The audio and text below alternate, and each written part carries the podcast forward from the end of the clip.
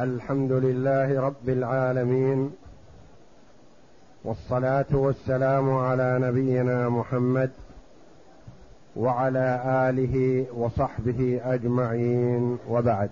بسم الله بسم الله الرحمن الرحيم الحمد لله رب العالمين والصلاة والسلام على نبينا محمد وعلى آله وصحبه أجمعين. قال المؤلف في باب أصول سهام الفرائض فصل وأصل الستة يتصور عوله إلى عشرة ولا يعود إلى أكثر منها ومثال العون زوج وأخت لأبوين وأخت لأب أصلها ستة للزوج النصف ثلاثة وللأخت لأبوين ثلاثة وللأخت للأب, للأب السدس سهم عالت إلى سبعة. كان المؤلف رحمه الله تعالى فصل وأصل الستة يتصور عونه إلى عشرة. هذا الفصل داخل ضمن باب أصول سهام الفرائض. والأصول كما تقدم لنا هي أصل اثنين وأصل ثلاثة وأصل أربعة وأصل ستة وأصل اثني عشر وأصل أربعة وعشرين. هذه الأصول المتفق عليها. ستة أصول. أصل اثنين يخرج منه ما كان فيه نصف فقط. أصل ثلاثة ما كان فيه ثلث أو فيه ثلثان. أصل أربعة ما كان فيه نصف وربع أو ربع. أصل ستة ما كان فيه نصف. مع سدس مع ثلث مع ثلثين. أصل اثني عشر ما اجتمع فيه فرضان لا يتفقان في شيء أو سدس وربع. بينهما موافقة في جزء من الأجزاء. وأصل اثني عشر فيما كان فيه ثمن مع غيره ايا كان هذا الغير. ثمن مع غيره غير النصف وما هو مشابه له يعني من فئته. يعني ثمن وثلثان ثمن وسدس أو سدسان وهكذا كما سيأتينا إن شاء الله. وتقدم لنا أن بعضها يعول وبعضها لا يعول. والعول هو التزاحم في الفرائض. يكون فيها نصفان وسدس. أو نصفان وثلث أو أكثر منها يعني تزداد تكثر السهام وتقل الأنصبة يعني نصيب الوارث. ومنها ما لا يعول فهي ستة. ثلاثة منها تعول. ما هي هذه الثلاثة؟ أصل اثنين لا يعول. أصل ثلاثة لا يعود أصل أربعة لا يعود أصل ثمانية لا يعود هذه أربعة لا تعود يدخلها العود لأنها ما تتزاحم. ما تستغرق. الفروض التركة. أصل اثنين ما يدخله عود لأنها إما يكون فيها نصف فقط أو نصفان فقط. فإذا زادت عن النصفين فلا تخرج من أصل اثنين. وكذلك أصل ثلاثة لا تعول وكذلك أصل أربعة لا يعول وأصل ثمانية لا يعول إذا ما هي التي تعول هي ثلاثة أصول. أصل ستة وأصل اثني عشر وأصل أربعة وعشرين ومجموع الأصول المتفق عليها سبعة. ثلاثة يدخلها العون وأربعة لا يدخلها العون. يعني معناه أنه أربعة أصول من هذه ما يتصور ولا يتأتى أن تستغرق الفروض المسألة لا بد يكون فيها باقي. أصل ستة تستغرق وزيادة. تعود إلى سبعة وتعود إلى ثمانية وتعود إلى تسعة وتعود إلى عشرة. وهذا نهاية عولها ولم يحصل العول في حياة النبي صلى الله عليه وسلم. ما عالت مسألة في حياة النبي صلى الله عليه وسلم ما وجد. ولا في خلافة أبي بكر الصديق رضي الله عنه. وإنما أول ما وجد العون في خلافة عمر رضي الله عنه وأرضاه. فحار فيها. وكان كما قال ابن عباس رجل ورع رضي الله عنه. ورع. يخشى أن يحرم هذا أو يعطي هذا حق هذا. فماذا يصنع رضي الله عنه لما وجدت عنده؟ مصل ستة على إلى سبعة. فكيف أعمل؟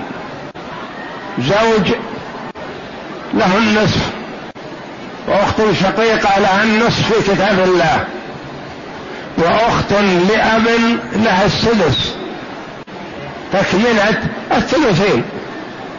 كيف يكون في المسألة نصف وثلثان؟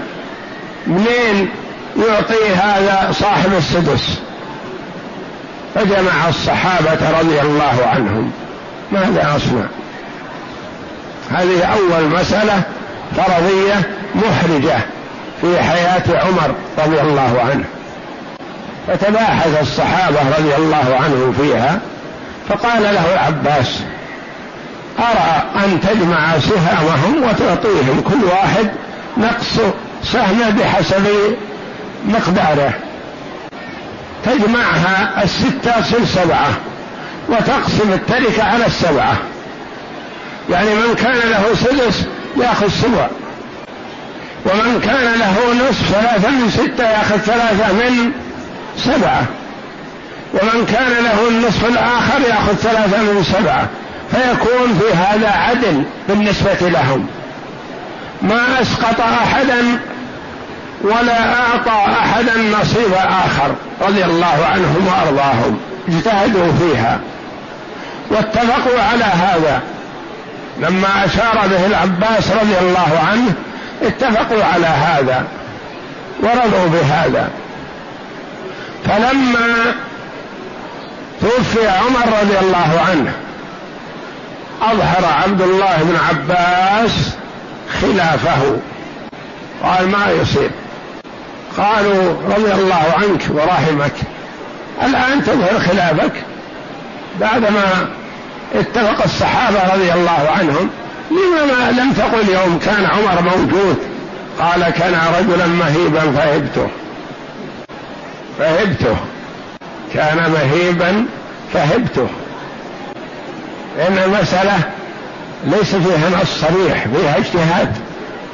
هو رضي الله عنه قال لا ما ما تعول المسائل لأن الله جل وعلا أحصى كل شيء وعده. ما يمكن أن تعول مسألة. قدموا من قدم الله وأخروا من أخر الله. قالوا من نقدم ومن نؤخر؟ فقال من قدم الله هو من نقل من فرض إلى فرض. هذا ما يسقط. من نقل من فرض إلى فرض هذا قدمه الله. ومن نقل من فرض إلى تعصيب وقد يسقط يسقط. هذا الذي أخر الله. لكن إجماع الصحابة رضي الله عنهم يرد خلاف ابن عباس رضي الله عنه. وإلا فهو لا يرى العول اطلاقا. ويقول من شاء بأهلته. ما يرى العول ابدا. وإنما يقول نقسم كما قسم الله فنعطي اولا من قدم الله فإن بقي شيء أعطيناه للآخر وإلا قلنا انتهت. فأول مسألة أصبح في وجد فيها العول في حياة عمر رضي الله عنه. واجتهد الصحابة رضي الله عنه في هذا وهذا فيه عدل وفيه إنصاف وفيه إعطاء كل ذي حق حقه. ما يحذفون ممن له فرض شيء وإنما يعطونه فرضه عائلا. فرضه عائلا يأخذ السدس. أحيانا يكون سبع. وأحيانا يكون ثمن. وأحيانا يكون تسع. وأحيانا يكون عشر. وهو سدس. لأن المسألة عالت جاء رجل إلى شريح القاضي رحمه الله. فقال إن زوجتي ماتت. ولم تخلف ولد. فما لي منها؟ قال لك النصف. قال ماتت عن كذا وكذا. قال لك ثلاثة من عشرة. النصف ثلاثة لكن منين من عشرة عاين.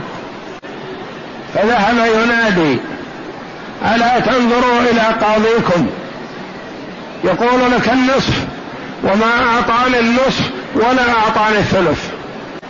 يقول لك النصف وما أعطاني النصف ولا أعطاني الثلث. قال تعال إنك تراني ظالما وإني أراك فاجر. أنت ترى أني ظلمتك وأنا ما ظلمتك وأنا أرى أنك فاجر. أخفيت القصة وأعلنت الفاحشة. نسبتني إلى الظلم وأنا لست بظالم أعطيتك ما تستحق. وأخفيت القصة ما ذكرت القضية كاملة.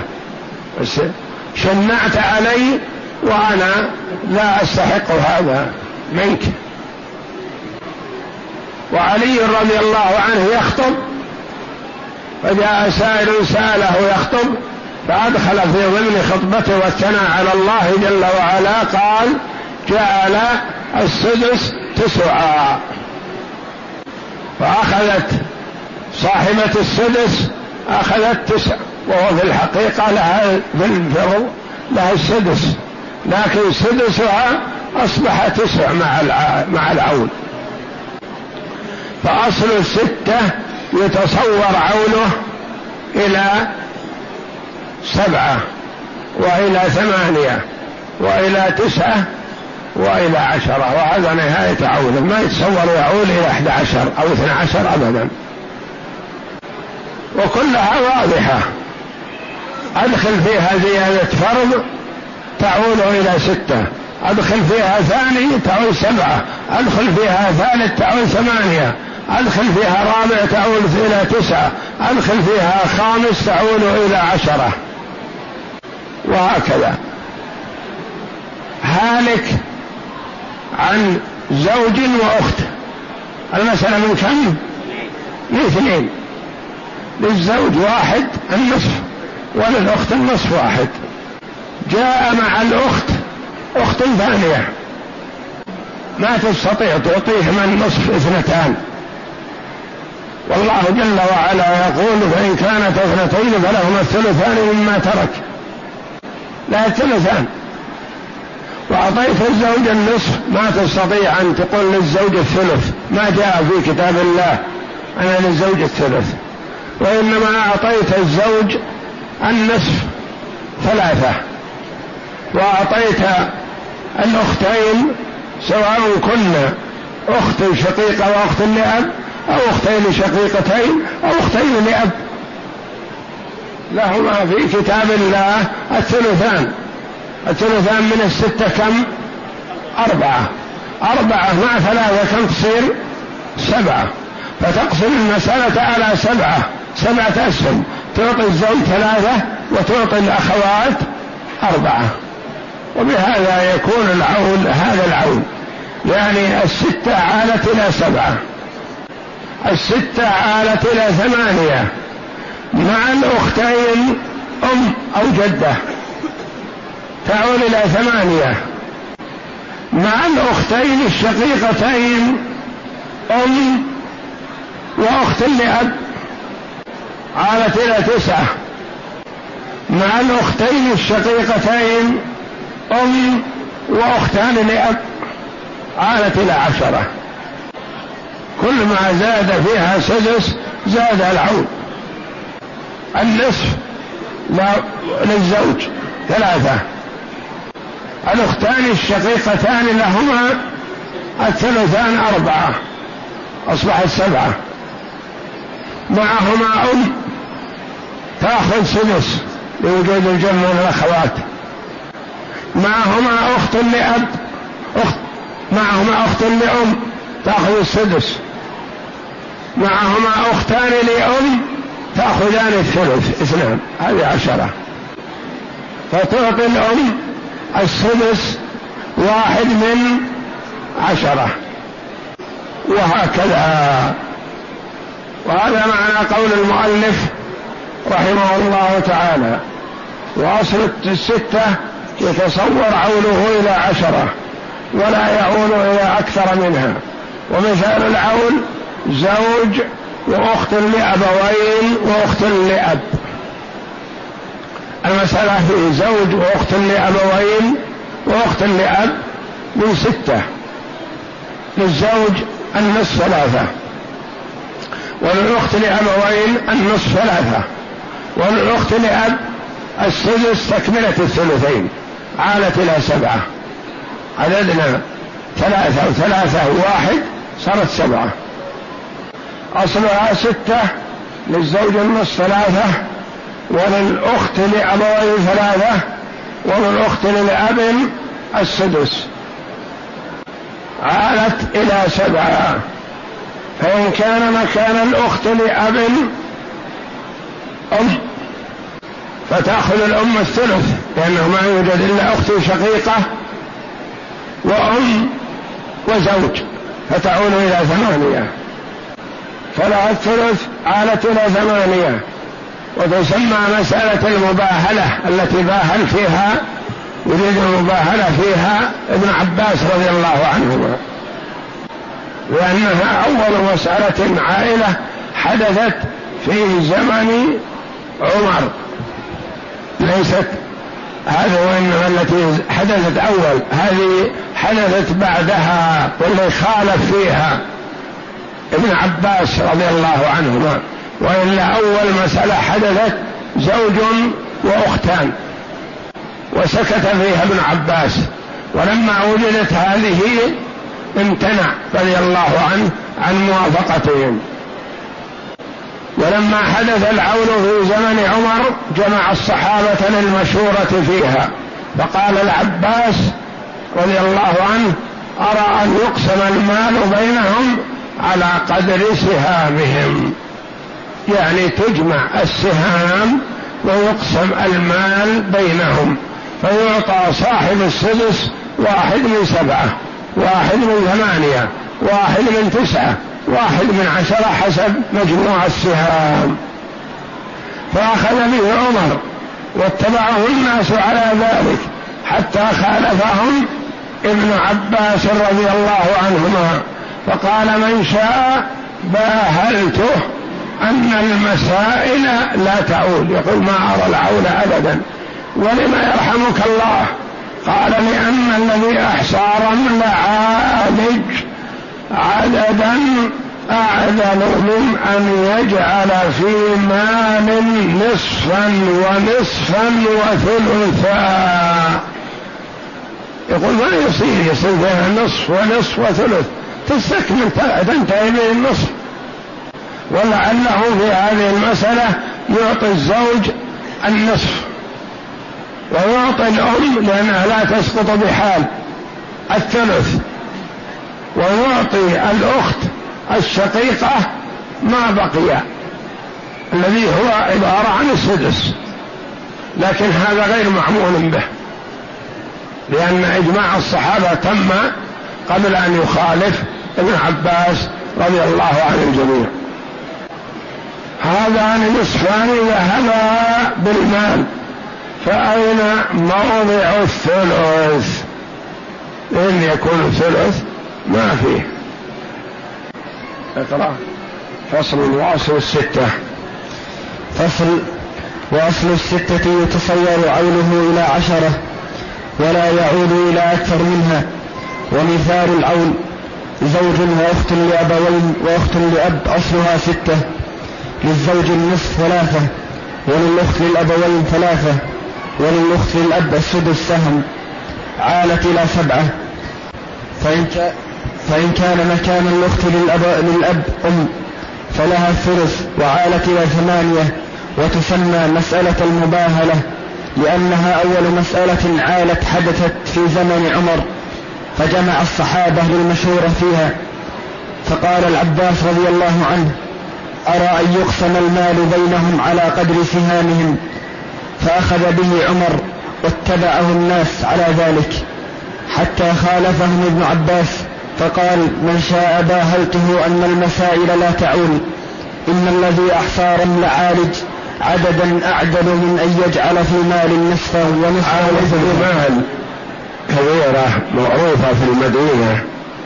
يعني أنه أحصاها جل وعلا عددا ما يمكن أن يخفى عليه هذا العود ويوجد العود. نعم. يوجد نظر رضي الله عنه. ولكن هذه هذا قوله رضي الله عنه مردود بإجماع الصحابة قبل هذا والنبي صلى الله عليه وسلم قال لا تجتمع أمتي على ضلالة. نعم. إن الذي أحصى رمل عالج عددا أعدل من أن يجعل في مال نصفا ونصفا وثلثا. هذان نصفان ذهبا بالمال فأين موضع الثلث؟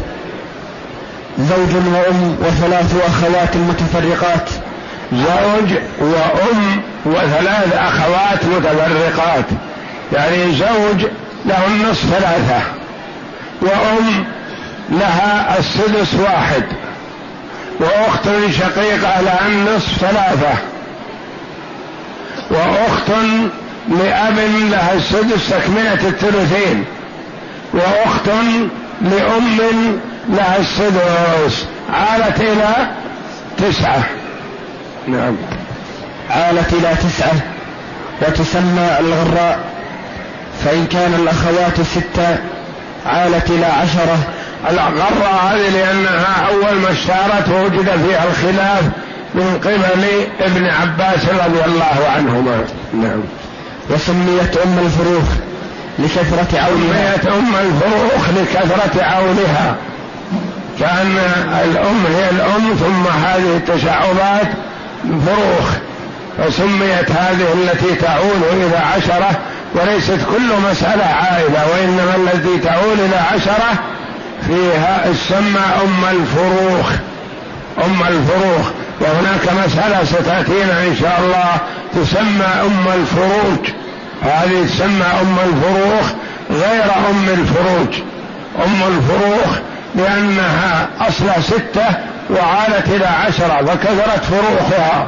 صار فيها نصف وثلثان وثلث وزادت. نعم. لأنها عالت بثلثيها فشبهوا أصلها. بثلثيها يعني هي أصل ستة من ستة. ثم زادت أربعة على الثلث على النصف. على السدس على أصل ستة زادت أربعة والأربعة ثلثا الستة. يعني صارت بستة أصل ستة بستة ومع الستة زيادة أربعة. نعم. فشبهوا أصلها بالأم والعول بالفروخ. العول بالفروخ يعني كثرة كثرة فروخها عولها فهذه أصل ستة تعول إلى سبعة وتعول إلى ثمانية وتعول إلى تسعة وتعول إلى عشرة بحسب ما فيها من الفروض. اقسم. هلك هالك عن زوج وأختين شقيقتين. المسألة من ستة وتعود إلى سبعة. فللزوج النصف ثلاثة وللأختين الشقيقتين الثلثان أربعة. أربعة وثلاثة سبعة. اقسم. هلك هالك عن زوج وأختين لأب. المسألة من ستة وتعود إلى سبعة. للزوج النصف ثلاثة وللأختين لأب الثلثان أربعة عالت إلى سبعة. اقسم هلك هالك عن زوج وأخت شقيقة وأخت لأب.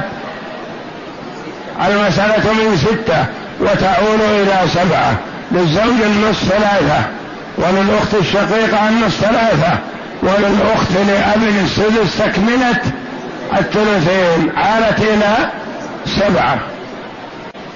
اقسم هلك هالك عن زوج واخت شقيقة وأم. المسألة من ستة وتعود إلى ثمانية.